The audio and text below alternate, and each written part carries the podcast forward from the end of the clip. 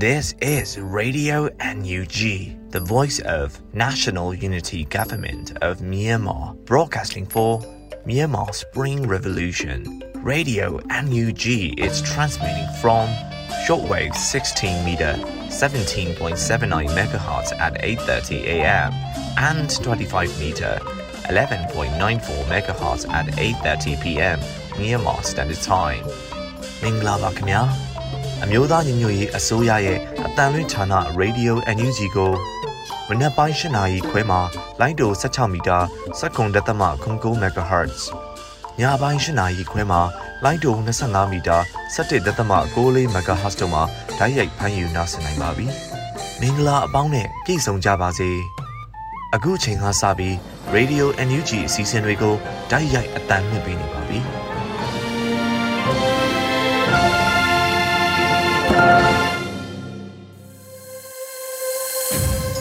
မြန်မာနိုင်ငံသူနိုင်ငံသားအပေါင်းတဘာဝပေးဆရာနာရှင်ပေတို့ကနေကင်းဝေးပြီးကိုစိတ်နှစ်ပါးဘေးကင်းလုံးတုံကြပါစေလို့ရေဒီယိုအန်ယူဂျီဖွယ်သားများကဆုတောင်းမေတ္တာပို့သလိုက်ရပါတယ်ရှင်။အခုချိန်ကစပြီးကာဝေးဝင်ကြီးဌာနရဲ့စီးသတင်းချင်းချုပ်ကိုတော့မျိုးဦးလင်ကမှဖက်ကြားတင်ပြပေးပါရမရှင်။ကာကွယ်ဝင်ကြီးဌာနအမျိုးသားညီညွတ်ရေးဆိုရမှစက်တင်ဘာလ18ရက်2022ခုနှစ်ထုတ်ဝေတဲ့စီးရေးသတင်းချင်းချုပ်ကိုတင်ဆက်ပေးတော့မှာဖြစ်ပါတယ်။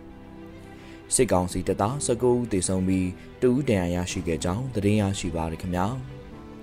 စစ်ကောင်စီနဲ့တိုက်ပွဲဖြစ်ပွားမှုသတင်းတွေကိုတင်ဆက်ပေးကြပါမယ်ကီနီကယာပြည်နယ်မှာစက်တင်ဘာလ19ရက်နေ့ကရိုက်ကော်မြို့နယ်နွားလဝရွာမှာရိုက်ကော်ဘက်မှစစ်ကြောင်းထိုးလာတဲ့စစ်ကောင်စီတပ်အား KA KNDF B02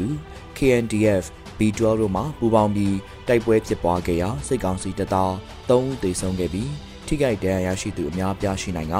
ပြည်သူ့ကာကွယ်ရေးဘော်တူကြာဆုံးခဲ့ကတူဦးထိခိုက်ဒဏ်ရာရရှိခဲ့ကြောင်းသတင်းရရှိပါရခင်ဗျာ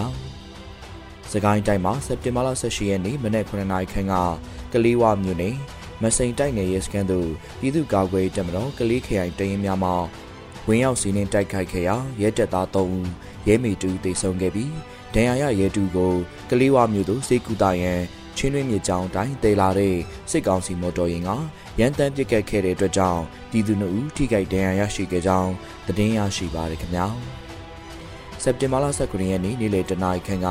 မင်းကင်းမြို့နယ်တောင်လက်ဒေသအရှိကူထဲမှာတက်ဆွဲထားတဲ့စစ်ကောင်စီတပ်နဲ့ပြူစောထီများကိုမင်းကင်းမြို့နယ်ပြည်သူ့ကာကွယ်တရင်နှင့်တက်ခွဲနှင့်ရွှေတရိကန်တရင်တိန်လွှာတောင်းမင်းတပ်ဖွဲ့များနဲ့ထိတွေ့တိုက်ပွဲဖြစ်ပွားခဲ့ပြီးစစ်ကောင်စီတပ်သား 2ဦးသေဆုံးခဲ့ကြောင်းသတင်းရရှိပါရခင်ဗျာစက်တင်ဘာလ19ရက်နေ့မနက်7:00နာရီခန့်ကဒဇယ်မြို့နယ်အောင်ချမ်းသာရွာမှာမီးရှို့ဖျက်ဆီးနေတဲ့စစ်ကောင်စီတပ်သားများကိုပြည်သူ့ကာကွယ်တပ်မတော်ဒဇယ်တရင်6တရင်9တရင်10တရင်10တရင်16တရင်25တရင်26 KPK PLA နဲ့ပကဖရဲဘော်များမှပူးပေါင်း၍လက်နက်ကြီးလက်နက်ငယ်များနဲ့ပြစ်ခတ်တိုက်ခိုက်ခဲ့ကြောင်းသတင်းရရှိပါရခင်ဗျာ။ စက်တင်ဘာလ19ရက်နေ့နေ့လယ်12:20မိနစ်အချိန်ခန့်ကဒဇယ်မြို့နယ်ရေဦးကုန်းရွာသို့စစ်ကြောင်းထိုးလာတဲ့တပ်မ33မှစစ်ကောင်စီတပ်သားများကိုပြည်သူ့ကာကွယ်တပ်မတော်ဒဇယ်တရင်6နဲ့တရင်9တို့မှစောင့်ကြိုတိုက်ခိုက်ခဲ့ရာ10မိနစ်ခန့်တိုက်ပွဲပြင်းထန်ခဲ့ပြီးစစ်ကောင်စီတပ်သား10ဦးသေဆုံးခဲ့ကြောင်းသတင်းရရှိပါရခင်ဗျာမန္တလေးတိုင်းမှာစက်တင်ဘာလ18ရက်နေ့နေ့လယ်2နာရီခန့်ကကြောက်စဲမြို့နယ်ကြောက်စဲမြို့ရှိဒဇိုးဂိတ်ရဲ့ ဇီဝနီးပညာသုတေသနဌာနအတွင်းတက်ဆွဲထားတဲ့စစ်ကောင်စီရဲ့လုံခြုံရေးကင်းဂိတ်တစ်ခုအားကြောက်စဲခရိုင်ကာကွယ်တပ်ဖွဲ့ KTDF အဖွဲ့မှဘုံပစ်တိုက်ခိုက်ခဲ့ကြောင်းသတင်းရရှိပါရခင်ဗျာဆက်လက်ပြီးစစ်ကောင်စီကကျူးလွန်တဲ့ရာဇဝမှုတွေကိုတင်ဆက်ပေးကြပါမယ်ရခိုင်ပြည်နယ်မှာစက်တင်ဘာလ18ရက်နေ့မနက်2နာရီခန့်ကတောင်ကုန်းမြို့နယ်ချောင်းကောက်ရပ်ကွက်မှာမြို့ကန်အသက်58နှစ်အရွယ်ဦးထွန်းချစ်ကိုရက်ကွက်အုပ်ချုပ်ရေးမှုအပါအဝင်စစ်ကောင်စီတပ်ရဲရင်အား30ကျော်ခန့်ကနေအိမ်ကိုဝိုင်း၍အိတ်ခမ်းထဲမှဆွဲခေါ်ကဖမ်းဆီးခေါ်ဆောင်သွားခဲ့ကြောင်းသတင်းရရှိပါရခင်ဗျာ။ကင်းဒီကယာပြည်နယ်မှာစက်တင်ဘာလ18ရက်နေ့မနက်ပိုင်းကလိုက်ကော်မြို့နယ်ဗဒါညေးရွာနီမှာတိုက်ပွဲဖြစ်ပွားခဲ့ပြီးစစ်ကောင်စီဘက်မှလက်နက်ကြီးများနဲ့ပစ်ခတ်မှုကြောင့်နွားလဝရွာမှာအရက်သားပြည်သူ2ဦးသေဆုံးခဲ့က၄ဦးထိခိုက်ဒဏ်ရာရရှိခဲ့ကြောင်း သတင်းရရှိပါရခင်ဗျာ။စကိုင်းတိုင်းမှာစက်တင်ဘာလ19ရက်နေ့ကဒဇယ်မြို့နယ်အောင်ချမ်းသာကျွော်ကိုစစ်ကြောင်းထိုးလာတဲ့တပ်မ33မှစစ်ကောင်စီတပ်သားများကစိတ်ဝေဒနာရှင်တူကိုမိရှို့တပ်ဖြတ်ခဲ့ကြောင်းသတင်းရရှိပါရခင်ဗျာ။စက်တင်ဘာလ19ရက်နေ့ကကမ်ဘလူးမြို့နယ်အင်္ဂုတ်တူကျွာသူစစ်ကောင်စီတပ်သားပြူစောထီ40ကျော်တို့နဲ့စစ်ကြောင်းထိုးခဲ့ပြီးအင်ဂျင်စုဖုံးကြောင်းကြောင်းနိုင်စရာတော့ဥတုစိတ်တောင်ဥဝင်းညွန်ပါဝင် ရွာသား18ဦးတို့ကိုဖမ်းဆီးခဲ့ပြီးဥတုစိတ်တာနဲ့ပြည်သူ9ဦးတို့ကိုအာမကန်နဲ့ပြန်လွှတ်ပေးခဲ့ကြောင်းသတင်းရရှိပါရခင်ဗျာမကွေးတိုင်းမှာစက်တင်ဘာလ19ရက်နေ့ညပိုင်းကစေတုတ်တရာမြို့နယ်လုံကြီးကျွော်မှာတပွင်ကျွော်ဘက်သို့ကူလာတဲ့လူငယ်နှုတ်အားစိတ်ကောင်းစီနဲ့ရဲတပ်သားများကဖမ်းဆီးနှိပ်စက်ခဲ့ပြီးမြန်မာကျပ်ငွေ9သိန်းကျပ်နဲ့ပြန်ရွေးခဲ့ရကြောင်းသတင်းရရှိပါရခင်ဗျာပဲခူးတိုင်းမှာစက်တင်ဘာလ19ရက်နေ့နေ့လယ်12နာရီခန့်မှာ နေ့လယ်2နာရီခန့်အထိညောင်လေးပင်ခရိုင်မုံမြို့နယ်မှာစစ်ကောင်စီတပ်ဖွဲ့ဝင်များကနတ်တန်ကွင်းတရားနေရာနဲ့351တရင်နေရာတို့မှညှက်ပြီးတောင်စုကျေးရွာနဲ့အနီးတစ်ဝိုက်ကိုလက်နက်ကြီးနဲ့အချက်20ကျော်ပစ်ချခဲ့တဲ့အတွက်ကြောင့်တောင်စုရွာသူအသက်46နှစ်အရွယ်နော်တူးလေးဖော်မှာနောက်စေနဲ့တင်မစုံကိုလက်နက်ကြီးကြီးစားထိမှန်ခဲ့ပြီးတေဆုံးသွားခဲ့ကြောင်းသတင်းရရှိပါရခင်ဗျာ ယခုတင်ဆက်သွားတဲ့သတင်းတွေကိုမြေပြင်သတင်းတာဝန်ခံများနဲ့သတင်းဌာနတွေမှာဖော်ပြလာတဲ့အချက်လက်တွေပေါ်အခြေခံပြုစုထားခြင်းဖြစ်ပါတယ်ကျွန်တော်ကတော့ຫນွေဦးလင်ပါပါ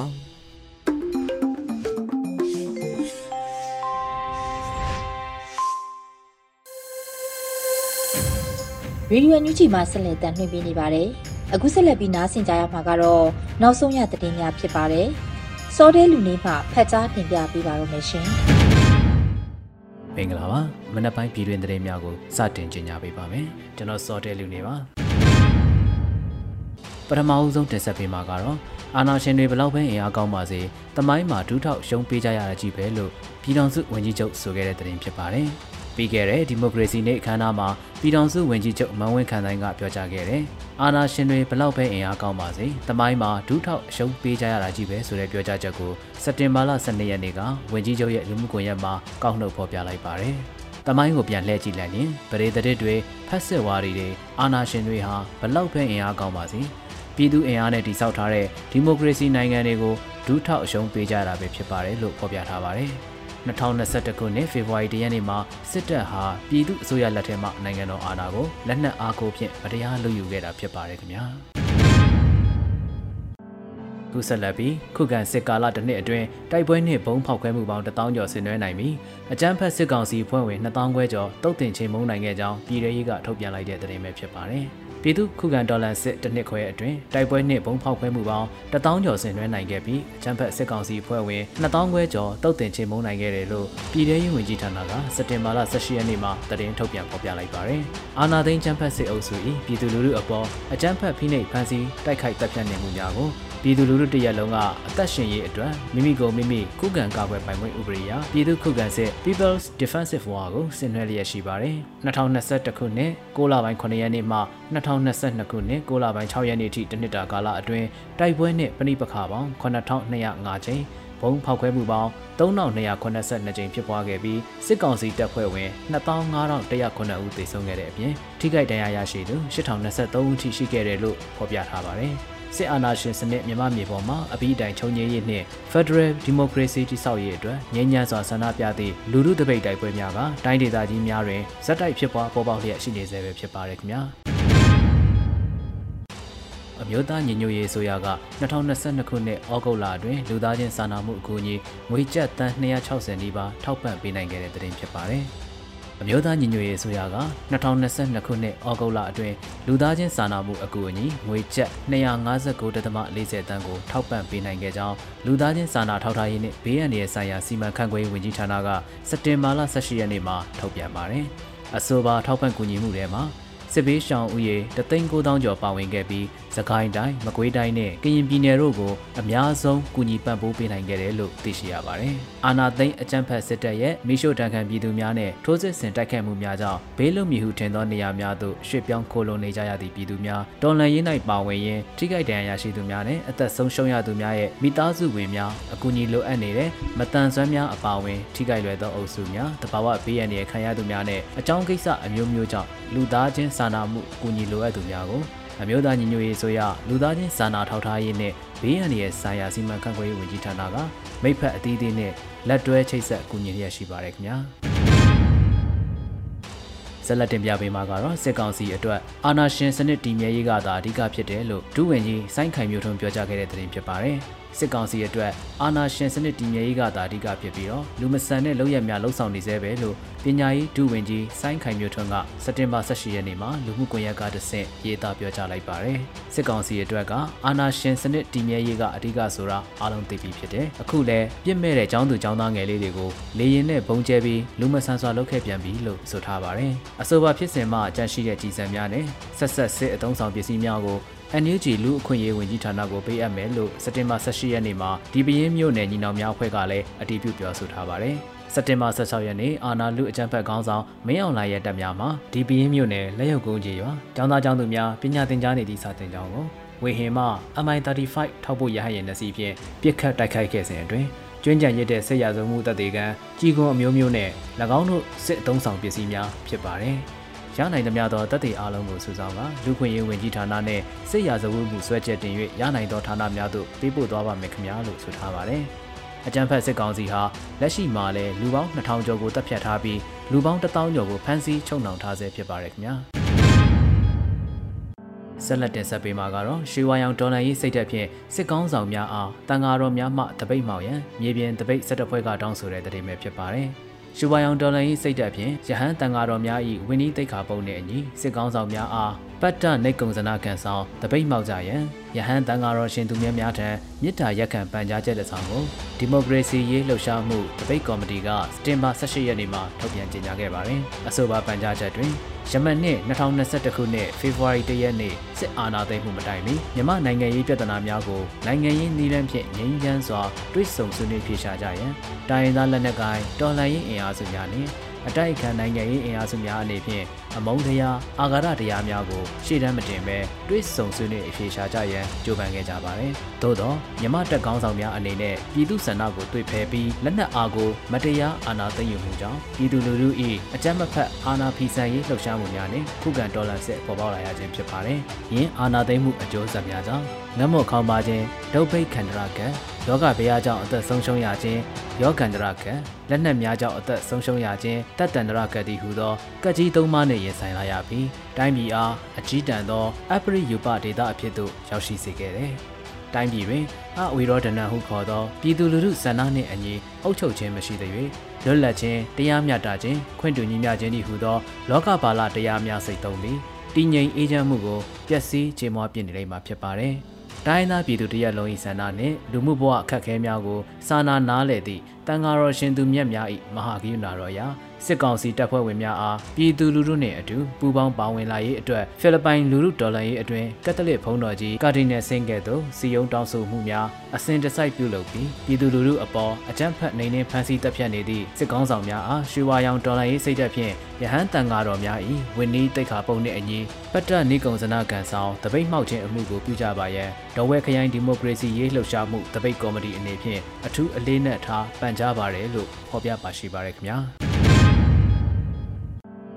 ခုဆက်လက်တင်ပြပေးမှာကတော့အာနာသိန်းစစ်ကောင်းဆောင်အများစုနေထိုင်တဲ့နေပြည်တော်မှာညမထွက်ရအမိန့်ထုတ်ပြန်လိုက်တဲ့သတင်းပဲဖြစ်ပါတယ်။အာနာသိန်းစစ်ကောင်းဆောင်အများစုနေထိုင်တဲ့နေပြည်တော်မှာညမထွက်ရအမိန့်ကိုစက်တင်ဘာလ18ရက်နေ့ရက်စွဲနဲ့စစ်ကောင်စီခန့်ထွေအုပ်များကအသီးသီးထုတ်ပြန်ကြေညာခဲ့ကြပါတယ်။ညမထွက်ရအမိန့်မှာအကျုံးဝင်တဲ့မြို့နယ်များမှာပုပ္ပသီရိတခိနာသီရိဇပူသီရိဥဒ္ဒရသီရိဇေယသီရိတက်ကုန်းပြင်းမနာနဲ့ဒေဝေးမြို့နယ်များပါဝင်ပြီးပုံမှန်144ထုတ်ပြန်လိုက်တာပါ။ ဒါကြောင့်လူ9ဦးသို့မဟုတ်9ဦးထက်ပိုသူများဟာလမ်းမကြီးများအများပြည်သူတွာလာရလမ်းကြားလမ်းလမ်းတွေဥယျာဉ်နှင့်အများပြည်သူနှင့်ဆိုင်သည့်နေရာများတွင်စုဝေးခြင်းမပြုရန်နှင့်နေ့စဉ်ည12နာရီမှနနက်4နာရီအတွင်းညမထွက်ရအမိန့်ထုတ်ပြန်လိုက်ကြောင်းဖော်ပြထားပါတယ်။လူအချို့သည်အများပြည်သူတို့၏လုံခြုံရေးနှင့်တရားဥပဒေစိုးမိုးရေးကိုထိခိုက်ပြပြစေရန်ပြုမှုဆောင်ရွက်နေခြင်းကြောင့်အများပြည်သူတို့၏လုံခြုံရေးတရားဥပဒေစိုးမိုးရေးနှင့်ရက်ရွာအေးချမ်းတာယာရေးကိုထိခိုက်စေသည့်အပြင် ရုံရင်ဆန်ခတ်မှုများဖြစ်ပွားစေနိုင်သည်ဟုယုံကြည်ယူဆရသဖြင့်ပြင်မနာမြို့နယ်အတွင်းစုဝဲခြင်းဟောပြောခြင်းရင်တမျိုးမျိုးကိုအသုံးပြု၍လူကိုယ်တိုင်ဖြစ်စေစီတန်းလှည့်လည်ခြင်းလှုံ့ဆော်ဆန္ဒပြခြင်းဖြက်စီးခြင်းရုံရင်ဆက်ခတ်ဖြစ်ခြင်းများကိုတားမြစ်လိုက်သည်ဟုပြင်မနာမြို့နယ်အတွက်ထုတ်ပြန်တယ်ညမထွက်ရအမိန့်တွင်ထည့်သွင်းဖော်ပြထားကြောင်းသိရှိရပါတယ်ခင်ဗျာ ခခုနောက်ဆုံးအနေနဲ့တင်ဆက်ပေးမယ့်သတင်းကတော့စစ်ကောင်စီတပ်ရဲ့အကြမ်းဖက်မီးရှို့ဖျက်ဆီးမှုတွေကြောင့်အိုးအိမ်ရိတ်ခါအကုန်ဆုံးရှုံးခဲ့ရတယ်မိဘပြည်သူအိမ်အောင်စုတရားကျော်ခန့်ကို PDF ကလေးတပ်ရင်း၄ခုကအိုးခွက်ပကံများထောက်ပံ့လှူဒါန်းခဲ့တဲ့သတင်းပဲဖြစ်ပါတယ်စစ်ကောင်စီတပ်ရဲ့အကြမ်းဖက်မီးရှို့ဖျက်ဆီးမှုတွေကြောင့်အိုးအိမ်ရိတ်ခါအကုန်ဆုံးရှုံးခဲ့ရတယ်မိဘပြည်သူအိမ်အောင်စုတရားကျော်ခန့်ကိုအိုးခွက်ပကံများထောက်ပံ့လှူဒါန်းခဲ့ကြောင်းစတင်မာလာ18ရက်နေ့မှာ PDF ကလေးတပ်ရင်းလေးကအသိပေးပြောဆိုပါတယ်စစ်ကောင်စီတပ်ရဲ့အကြမ်းဖက်မီးရှို့ဖျက်ဆီးနေမှုတွေကြောင့် အိုးအိမ်ရိတ်ခါအကုန်ဆုံးရှုံးခဲ့ရတဲ့မိဘပြည်သူအိမ်အောင်စုတရားကျော်ခန့်ကိုကျွန်တော်တို့တပ်ရင်းမှအိုးခွက်ပကံများထောက်ပံ့လှူဒါန်းခဲ့ပါတယ်လို့ဆိုပါတယ်အိမ်အောင်စုတစုလျင်ထမင်းအိုးဟင်းအိုးနဲ့ပကံ၃ချက်ဇွန်း၃ချောင်းနှုံးဖြင့်ကူညီထောက်ပံ့ခဲ့ခြင်းဖြစ်ပြီးပြည်သူများရဲ့အကူအညီထောက်ပံ့ငွေများကိုပဲပြန်လည်အသုံးပြုကာဝယ်ယူခဲ့တာဖြစ်ပါတယ်လက်ရှိအချိန်ကလေးမျိုးနယ်အတွင်းမှာအကြမ်းဖက်စစ်ကောင်စီတပ်ရဲ့မီးရှို့ဖျက်ဆီးခံထားရတဲ့နေအိမ်2000ကျော်ရှိပြီးစစ်ဘေးရှောင်ပြည်သူတောင်းချီရှိနေပါတယ်ခင်ဗျာ အခုတင်ပြပေးတဲ့သတင်းတွေကိုတော့ Radio NUG သတင်းတောက်မင်းမင်းကပေးပို့ထားတာဖြစ်ပါတယ်ရေဒီယိုညူချီပရိသတ်များရှင်အခုချိန်ကစပြီးပြည်ထောင်ဝင်ကြီးဌာနပြည်ထောင်စုဝင်ကြီးဦးလွင်ကိုလက်နဲ့ရေဒီယိုညူချီရဲ့မေးဖြေကဏ္ဍကိုနားဆင်ကြရတော့မှာဖြစ်ပါတယ်ရှင်ဟုတ်ကဲ့ပါဝင်ကြီးရှင်ပထမဆုံးသိချင်တာကလေဒီပြည်ထောင်ဝင်ကြီးဌာနကနေပြည်သူရဲတပ်ဖွဲ့တွေကိုထူထောင်နေပြီဆိုတော့လေ ပြည်သူတွေရဲ့အသက်အိုးအိမ်စီးစိမ်နဲ့ပတ်သက်ပြီးတော့ဘယ်လိုမျိုးကာကွယ်စောင့်ရှောက်မှုမျိုးတွေပေးဖို့ဆောင်ရွက်နေတာလဲဒီဟာနဲ့ပတ်သက်ပြီးတော့သိချင်ပါတယ်ရှင်ဟုတ်ကဲ့ကျွန်တော်တို့ဒီပြည်သူ့ရဲတပ်ဖွဲ့ဒါဖွဲ့စည်းခဲ့တယ်ပေါ့နော်ဖွဲ့စည်းခဲ့ပြီးတော့ဒါဒါပြည်တော်စုအဆင့်ပေါ့ပြည်သူ့ရဲတပ်ဖွဲ့ဖွဲ့စည်းပြီးတော့ခုနောက်ပိုင်းမှာကျွန်တော်တို့ဒီမြို့နယ်ရဲတပ်ဖွဲ့တွေကိုဟိုစတင်ဖွဲ့စည်းတယ်အဲစတင်ဖွဲ့စည်းပြီးတော့ဒါပေမဲ့မြို့နယ်ရဲတပ်ဖွဲ့ဖွဲ့စည်းနိုင်မှုကလောလောဆယ်မှာကျွန်တော်တို့၃မြို့နယ်တော့ဖွဲ့ပြီးပြီပေါ့တ ချို့မြို့နယ်တွေမှာကြတော့ရဲတပ်ဖွဲ့အနေနဲ့အဲကျွန်တော်တို့ဆောင်ရွက်တာမဟုတ်ဘဲနဲ့ဒါပြည်သူလူထုကနေပြီးတော့ဟိုဖွဲ့စည်းထားတဲ့ဒီဒီပအဖတွေလည်းရှိပါတယ်ပြည်သူပေါင်းစပ်မှုနဲ့ဖွဲ့စည်းထားတဲ့ပအဖတွေရှိတယ်အဲ့ဒီပအဖတွေထဲမှာဒါလုံခြုံရေးတာဝန်တွေထမ်းဆောင်ဖို့ဆိုပြီးတော့ပြည်သူလုံခြုံရေးအဖွဲ့ရှိပါတယ်ပလာဖတွေပေါ့နော်အဲ့တော့တချို့နေရာတွေကပလာဖတွေအနေနဲ့ဆောင်ရွက်ပါမယ် ခုချိန်မှာဒီပလာဖတွေကိုရဲလုပ်ငန်းစဉ်တချို့လုပ်ဖို့အတွက်ဒါလုတ်ပိုင်ခွင့်သူတို့ကိုလွှဲအပ်ဖို့ရယ်နောက်ပြီးတော့ရဲလုပ်ငန်းစဉ်မှာကျွန်တော်တို့အရေးကြီးတဲ့ပေါ့ဒါပထမသတင်းပေးတိုင်ကြားချက်ဖွင့်နိုင်ဖို့အဲ့ဒီအတွက်လည်းဒါကျွန်တော်တို့ဟိုတင်နန်းနေလဲလုပ်နေတာရှိပါတယ်နောက်တစ်ခုကကြတော့ကျွန်တော်တို့ကအခုအချိန်မှာဟိုရဲတပ်ဖွဲ့ကြီးအနေနဲ့ဒါ PPP ပြင်ဖွဲ့စည်းထားနိုင်တဲ့အနေအထားမျိုးမဟုတ်တော့ ကိုယ့်ကိုယ်အစဆုံးစပြီးတိဆောက်နေရတဲ့အခြေအနေဖြစ်ပါတယ်။ဒါကြောင့်မို့လို့လောလောဆယ်အခြေအနေကပြည်သူပူးပေါင်းပါဝင်တဲ့ဒီဒီ police ရဲပေါ်ရဲတပ်ဖွဲ့ပုံစံမျိုးကျွန်တော်တို့ဟိုမူချပြီးဆောင်ရွက်နေပါတယ်အဓိကကတော့အဲဒီ democratic ဒီ policing ကိုတွားဖို့အတွက်လည်းဒါတင်နန်းနေ ပေးနေတဲ့အခြေအနေမှာကျွန်တော်တို့ရှိပါတယ်။လက်တလောအခြေအနေအရပြည်သူ့လုံခြုံမှုပေးမှုနဲ့ပတ်သက်လို့ရှိရင်တော့ဒီပလာဖာတွေကပြည်သူ့လုံခြုံရေးပေးဖို့အတွက်ကိုကျွန်တော်တို့တက်နိုင်ဆုံးစ조사ဆောင်ရွက်နေတယ်။နောက်တစ်ခုကဒီခိုးမှုတွေမရိမှုတွေဒီလိမ်လည်မှုတွေဒါတွေနဲ့ပတ်သက်ရင်လည်းဒီတရားရုံးတွေလည်းစတင်ပြီးတော့ဒါမြို့နယ်တွေမှာလက်ပတ်နေပြီဖြစ်တဲ့အတွက်ကြောင့်မို့လို့ဒါတရားရေးဝန်ကြီးဌာနဘက်ကနေပြီးတော့အဲဒီတင်သတင်း တင်ပြမှုအရာဆိုလို့ရှိရင်အဲကျွန်တော်တို့ဒီဒီဒီခိုးမှုတွေဒီမရိမှုတွေဒီလိုဟာတွေအမှုတွေနဲ့ပတ်သက်ပြီးတော့အမှုပေါင်း100ကျော်လောက်ကိုလည်းအဲစတင်ကြိုက်တွေဖြည့်ရှင်းနေပြီဖြစ်ပါတယ်ဒါကြောင့်မို့လို့ပြည်သူလုံခြုံရေးပိုင်းဆိုင်ရာရောနောက်တစ်ခါဒီအမှုခင်းတွေကိုတရားစွဲဆိုရေးပိုင်းဆိုင်ရာကိစ္စရပ်တွေကိုအဲကျွန်တော်တို့စတင်ဆောင်ရွက်နေပြီဖြစ်ပါတယ်ဗျဟုတ်ကဲ့နောက်တစ်ခုကလေပြည်သူရဲတွေအပြင်မိသက်တပ်ဖွဲ့တွေ ဒီဖွဲ့စည်းနေပြီဆိုတာလည်းသိရတယ်ပေါ့နော်။ဒါနဲ့ပတ်သက်ပြီးသူတို့ရဲ့အခန်းကဏ္ဍကဘယ်လိုအခြေအနေရှိလဲဆိုတာကိုလည်းပြောပြပေးပါအောင်ရှင်။ကျွန်တော်တို့ဒီမိသက်တပ်ဖွဲ့တွေအနေနဲ့ကတော့ဒီမိသက်တပ်ဖွဲ့ရဲ့လုပ်ငန်းတွေထက်စားလို့ရှိရင်လက်ရှိအခြေအနေမှာဒါစကားစကားအိုးအိမ်တွေကိုမိရှုနေတဲ့ အဲကိစ္စတွေရှိတယ်ပေါ့နော်အဲဒါကြောင့်မို့လို့ဒါပြည်သူလူထုရဲ့ဒီအိုးအိမ်မိရှုမှုတွေနဲ့ပတ်သက်ရင်ပြည်သူလူထုရဲ့ဆုံးရှုံးမှုပမာဏဟိုတိုင်းတာရေးနဲ့ပတ်သက်တဲ့လုပ်ငန်းတွေအဲဒါတွေကိုကျွန်တော်တို့မိသက်အဲတပ်ဖွဲ့ကနေပြီးတော့ဥဆောင်ပြီးတော့ဟိုဆောင်ရွက်ပေးနေတာရှိပါတယ်အဲနောက်ပိုင်းကျွန်တော်တို့ဒီမိသက်တပ်ဖွဲ့တွေကိုအဲအားလုံးဖြည့်ဆည်းပေးနိုင်ပြီဆိုရင်တော့ဒီကူညီရေးနဲ့ကယ်ဆယ်ရေးဆိုင်ရာလုပ်ငန်းရက်တွေမှာအဲဆက်လက်ပြီးတော့ဒါပူးပေါင်းဆောင်ရွက်သွားဖို့အတွက်ကျွန်တော်တို့ရည်မှန်းချက်ထားပြီးတော့ဆောင်ရွက်နေပါတယ်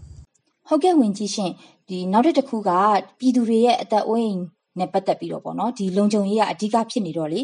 ပြည်ထောင်ရေးကနေပြီးတော့တရားဥပဒေစိုးမိုးရေးနဲ့တရားစီရင်ရေးအတွက်ကိုဘယ်လိုပြင်ဆင်ထားလဲရှင်ဒါလေးကိုလည်းပြောပြပေးပါအောင်ရှင်အခုချိန်မှာပြည်သူရဲ့ဒီလုံခြုံရေးကိုဟိုအဓိကချိုးဖောက်ပြီးတော့ပြည်သူကိုအကြမ်းဖက်နှိပ်စက်နေတာကတော့ဒါစက္ကစစစ်ကောင်စီနဲ့ဒီစစ်ကောင်စီတပ်တွေပေါ့ အဲအဲ့တော့ဒီစစ်ကောင်စီရဲ့ဒီအဲအဲအကြမ်းဖက်ဒီနှိပ်စက်မှုတွေကြေးရွာမိရှုပ်မှုတွေလူတွေကိုတရားမဝင်ဖမ်းဆီးတပ်ဖြတ်မှုတွေနဲ့ပတ်သက်ရင်တော့ဟိုကျွန်တော်တို့ဒီရက်တက်ဖွဲ့တစ်ခုတည်းနဲ့တင်ကျွန်တော်တို့ကလောလောဆယ်ကာကွယ်ဖို့လုံလောက်တဲ့အခြေအနေမှာတော့မရှိသေးဘူးသို့တော်လည်းပဲ အဲဒီမြေပြင်အခြေအနေတွေမှာတော့ကျွန်တော်တို့ခိုင်ချင်းချိတ်ဆက်ပြီးကာကွယ်ဆောင်ရွက်ဖို့ဆိုလို့ရှိရင်တော့ဒါ EAO ခေါင်းဆောင်နဲ့ဒီ PDF တွေပေါ့နော်ဒါ PDF တွေကဒါမြေပြင်ကာကွယ်ရေးနဲ့ထိချုပ်ရေးကိုဆောင်ရွက်ထားတယ်မိမိတို့မျိုးနယ်နဲ့ပတ်သက်တဲ့ကာကွယ်ရေးဆိုင်ရာကိစ္စရပ်တွေကိုတော့ဒီပကဖတွေ LPDF တွေကနေပြီးတော့ပူးပေါင်းပြီးတော့ဒါမျိုးနယ်ကာကွယ်ရေးတွေကိုကျွန်တော်တို့ဆောင်ရွက်ပါတယ်အဲပြီးတော့မှသာကျွန်တော်တို့ကရက်ရွာမှာလုံခြုံရေးဆိုင်ရာကိစ္စရပ်တွေကိုပလာဖတွေနဲ့ကျွန်တော်တို့ဒီအဲ ရက်တက်ဖွဲ့ကနေပြီးတော့ဟိုဆောင်ရွက်မှာဖြစ်ပါတယ်။ဒါကြောင့်မို့လို့ကျွန်တော်တို့ဒီပါလာဖာတွေနဲ့ရက်တက်ဖွဲ့တွေကိုရက်ရွာလုံခြုံရေးဆောင်ရွက်ဖို့ဆိုလို့ရှိရင်အဲကျွန်တော်တို့အဓိက pilot လုပ်တဲ့မြို့နယ်တွေမှာတော့အဲဒီလက်နက်နဲ့ပတ်သက်ပြီးတော့လက်နက်ဆိုတာလေ AR တွေတော့ကျွန်တော်တို့ဟိုပါလာဖာတွေကိုတက်ဆင်ပေးနိုင်ခြင်းမရှိပါဘူး။တိုးတော်လည်းပဲဒေတာမှာထုတ်ထားတဲ့ဒေတာထုတ်လက်နက်တွေကိုတော့တက်ဆင်ဖို့အတွက်ဟိုဘတ်ဂျက်ချထားပြီးပြီဖြစ်ပါတယ်။အဲ့တော့ပြည်သူလုံခြုံရေးကိုတာဝန်ယူနိုင်လို့ယူနိုင်ပြီဆိုတဲ့နေရာတွေမှာတော့ကျွန်တော်တို့စာတင်ကျောင်းတွေကိုကျွန်မယူ ကျန်းမာရေးနဲ့ပညာရေးဝန်ကြီးဌာနရဲ့နဲ့နောက်ပြီးတော့ဒီကနေပြီးတော့ပေါ့ အဲအဓိကကြောင်းဖွင့်နေတာတွေကျွန်တော်တို့ဆောင်ရွက်နေတာရှိတယ်နောက်ပြီးတော့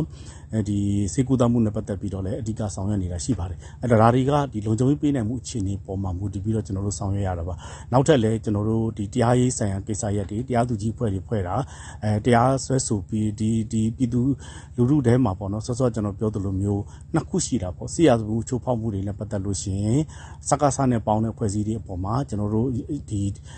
ဒီတရားဆွဲဆိုရမယ့်ကိစ္စရပ်တွေကျွန်တော်တို့ရှိတယ်အဲနောက်တစ်ခုကကြတော့ဒီပြည်သူလူထုရဲ့အသက်အိုးရေးစည်းစိမ်ကိုဟိုနှောက်ယှက်နေတဲ့ဓမြတိုက်တဲ့အမှုတွေငွေကြေးလိမ်လည်မှုတွေဒီလိုအမှုတွေကိုလည်းကျွန်တော်တို့ဒီတရားရုံးတွေကတရားစွဲဆင်နိုင်ဖို့ကိစ္စရှိတယ်ပေါ့ဒါကကျွန်တော်တို့ရဲ့ပြည်တရားဥပဒေစိုးမိုးရေးနဲ့ပြည်သူ့လုံခြုံရေးအတွက်ကျွန်တော်တို့ပြင်ဆင်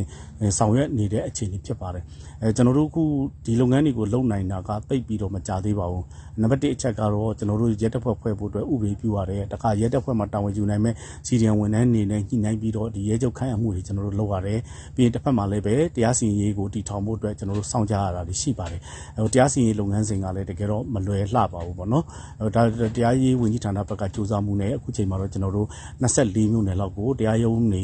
စတင်ထူထောင်နိုင်ပြီဖြစ်ပါတယ်အဲဒီဒီ24မြို့နယ်မှာတော့ကျွန်တော်တို့ဒီလုံခြုံရေးပိုင်းလည်းထိုက်တင်သလောက်ဆောင်ရွက်နေနိုင်ပြီတရားဥပဒေစိုးမိုးရေးကိုလည်းတရားရေးဝန်ကြီးဌာနနဲ့ပူးပေါင်းပြီးတော့ဟိုကျွန်တော်တို့ဆောင်ရွက်နေတဲ့အနေအထားကိုဟိုရောက်ရှိနေပြီလို့ပြောကြားလိုပါတယ်ဗျဟုတ်ဟုတ်ကဲ့နောက်ထပ်သိချင်တာကလေဒီအရင်ကလိုဒေသန္တရအထွေထွေအုပ်ချုပ်ရေးအဖွဲ့တွေမျိုးပေါ့နော်ဖွဲ့စည်းနေတာလားဒါမှမဟုတ်လို့ရှင်ပြည်သူ့အုပ်ချုပ်ရေးအဖွဲ့တွေဖြစ်ပေါ့နော်ပအဖဖွဲ့စည်းနေတာလားပေါ့နော်ဒါဟိုဘလို့ကွဲကွဲပြားပြားနဲ့ဒါထူးခြားမှုရှိပါသလဲဒါနဲ့ပတ်သက်ပြီးတော့လဲပေါ့နော်ဘလို့ကွဲပြားခြားနားမှုတွေရှိလဲဆိုတာသိချင်ပါရှင် အဓိကကတော့ကျွန်တော်တို့ဒါပြည်သူ့အုပ်ချုပ်ရေးအဖွဲ့တွေဖွဲ့စည်းခဲ့တာပါဖွဲ့စည်းနေတာပါပြည်သူ့အုပ်ချုပ်ရေးအဖွဲ့တွေကမူလတုန်းကလည်းပဲဒါကျွန်တော်တို့အားလုံးသိပြီးသားဖြစ်ပါတယ်မြို့တော်လိုင်းစတင်တဲ့အချိန်မှာပြည်သူလူထုကကိုယ့်ရဲ့ကိုယ့်ရာကာကွယ်ဖို့အတွက်ဒီပြည်သူ့အုပ်ချုပ်ရေးအဖွဲ့တွေစလုပ်ရတာရှိပါတယ်ဒါအပေါ်မှာကျွန်တော်တို့ဒီ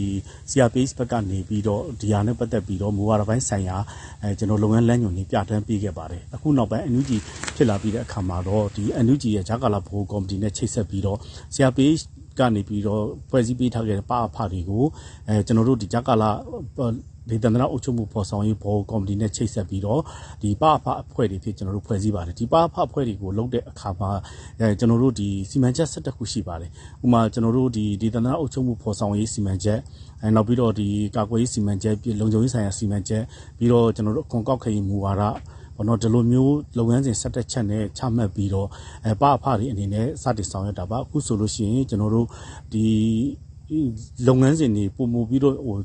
မြန်မြန်ဆန်ဆန်တက်တက်လက်လက်ဖြစ်လာအောင်လို့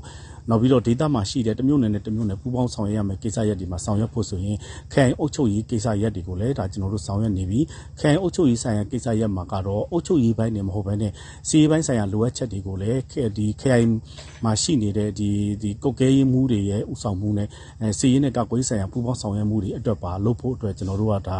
ခရိုင်ကာကွယ်ခရိုင် ဒီပအဖတွေကိုလည်းဒါကျွန်တော်တို့ဖွဲ့စည်းထားပြီးပြီဖြစ်ပါတယ်ဒါကြောင့်မို့လို့ပအဖတွေကအုပ်ချုပ်ရေးပုံစံမျိုးမဟုတ်ဘဲနဲ့အဲပြည်သူပေါ်မှာအခြေခံပြီးတော့ဒါပြည်သူလူထုကနေတက်နိုင်တဲ့လောက်ပေါ့နော်ရွေးချယ်ပေးတဲ့ပုံစံမျိုးနဲ့ကျွန်တော်တို့ပအဖတွေကိုဖွဲ့စည်းတာပါအထူးသဖြင့်တော့ဒီရက်ရွာလုံခြုံရေးတွေမှာဆိုလို့ရှိရင်ရက်ရွာပအဖတွေဆိုလို့ရှိရင်တော့အဲပြည်သူကနေပြီးကြေးရွာတွေကနေပြီးတော့ရွေးချယ်ဖွဲ့စည်းတဲ့ပအဖတွေအဖြစ်ဖွဲ့စည်းပြီးတော့ကျွန်တော်တို့ဆောင်ရွက်နေတာဖြစ်ပါတယ် ဟဟုတ်ကဲ့နောက်ဆုံးတစ်ခုအနေနဲ့သိချင်တာကလေဝင်ကြီးအခုတလုံးမှာဒီစကားဆရဲ့ပေါ့နော်ဒီနန်းစီဒီယန်အကြီးစားတွေယာဒူးကြီးကြီးယူထားတဲ့သူတွေကို NUG အစိုးရဘက်ကနေပြီးတော့အကြမ်းဖက်ဥပဒေနဲ့အရေးယူမယ်လို့ပေါ့နော်ပြောခဲ့တာမျိုးရှိတယ်ပေါ့နော်ဒါနဲ့ထပ်ပြီးတော့ဒီအကြောင်းနဲ့ဆက်ဆက်ပြီးတော့ထပ်ပြီးရှင်းပြပေးနိုင်မလားရှင်။ဘာကြောင့်လဲဆိုတော့လေနန်းစီဒီယန်တိုင်းကိုအရေးယူမယ်လို့တချို့ကလေနားလည်မှုလွဲနေတာတွေလည်းရှိတယ်ပေါ့နော်။ဒါလေးကိုလည်းဆက်ပြီးတော့ဒီနေရာကနေပြီးတော့ထပ်ပြီးရှင်းပြပေးပါအောင်ရှင်။ အဓိကကတော့ဒါကျွန်တော်တို့ဟိုအခုဒီ CDN non CDN အနေနဲ့ပတ်သက်ပြီးတော့ပေါ့နော်ဟိုကျွန်တော်တို့ဒီအထက်မှာဖြစ်လိုက်တဲ့မိကုန်းနဲ့ပတ်သက်ပြီးတော့လည်းတော်တော်များများဟိုဝီဝဝီယောရီဖြစ်တဲ့အမျိုးလေးတွေဟိုရှိတယ်ဟိုကျွန်တော်တွေ့ရပါတယ်ကျွန်တော်တို့အနေနဲ့ကကျွန်တော်တို့ရဲ့အဓိကဒီအဲကျွန်တော်တို့ဒီ NUCC ကချမှတ်ထားတဲ့ဒီလမ်းပြမြေပုံထဲမှာလည်းပဲဒီစစ်ကောင်စီရဲ့အုပ်ချုပ်ရေးရန်တရားကိုဖျက်သိမ်းပြီးတော့ဒီစစ်အုပ်ချုပ်ရေးရန်တရား ရဆိုင်သွားအောင်လုပ်ဖို့ဆိုတာကကျွန်တော်တို့ရဲ့ဒီလုံးမအဆင့်ထဲမှာလည်းပါတယ်လို့မဟာဗျူဟာရရည်မှန်းချက်ဖြစ်ပါတယ်။ဒါကြောင့်မို့လို့စစ်ကောင်စီရန်တရားကိုလဲပတ်နေတဲ့အဓိကကြတဲ့စစ်ကောင်စီတောက်တိုင်ဖြစ်တဲ့နန်းစီတန်နေပေါ့ဒါကကျွန်တော်တို့တော့ပို့ပြီးတော့ဟို target ထားပြီးတော့အရေးယူဆောင်ရရမယ်ကိစ္စဖြစ်ပါတယ်အဲကျန်တဲ့ကျွန်တော်တို့ဒီ CDN တွေရှိနန်း CDN တွေရှိပါတယ်နန်း CDN ဒီအနေထဲမှာလဲတကယ်တမ်းကကြတော့အခြေအနေအကြောင်းမျိုးမျိုးအရသာ ဒါပြီးဒီတာဝန်တွေဒီသူတို့ဒီစကားဆက်ရန်နေရာတွေမှာလုပ်နေရပြီမဲ့အချိန်တန်လို့ရှိရင်ကျွန်တော်တို့ပြည်သူလူထုစီကိုပြည်သူနဲ့အတူတူပူးပေါင်းဆောင်ရွက်ကြမဲ့သူတွေအခုချိန်ထိမှာကျွန်တော်တို့စီကိုသတင်းပို့ထားတာတွေအများကြီးရှိပါတယ်အဲ့တော့ဒီလိုမျိုးပြည်သူနဲ့ပူးပေါင်းလာဖို့အတွက်ဆိုရင်ကျွန်တော်တို့ကအချိန်မီလမ်းဖွင့်ထားပြီးသားရှိတယ်။သို့တော်လည်းပဲစကားဆရဲ့အဓိကအုပ်ချုပ်ရေးကိုလက်ပတ်ပေးနေတဲ့တောက်တိုင်နေဖြစ်တဲ့နန်းစီဒီယန်အကြီးတန်းနေ နော်တူပြီးတော့ဟို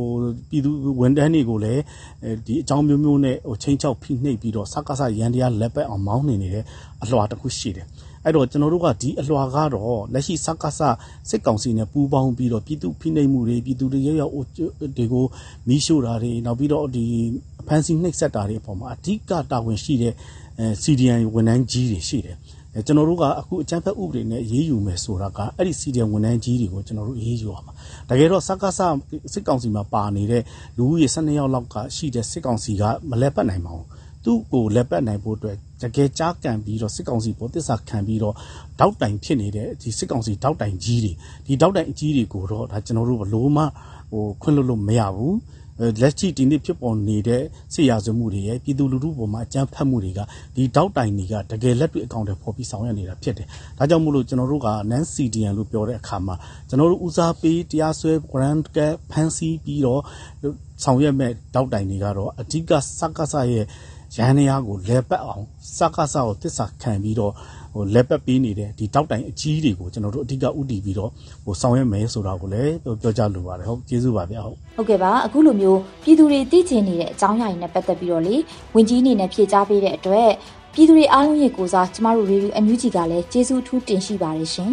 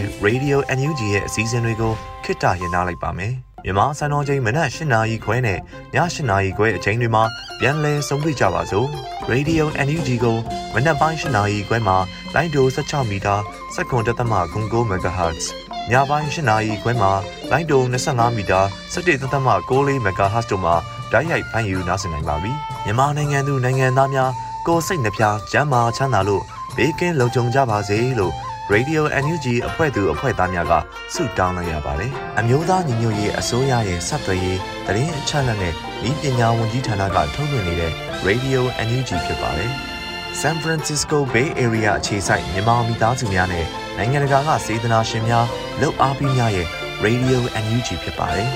။အရေးတော်ပုံအောင်ရမည်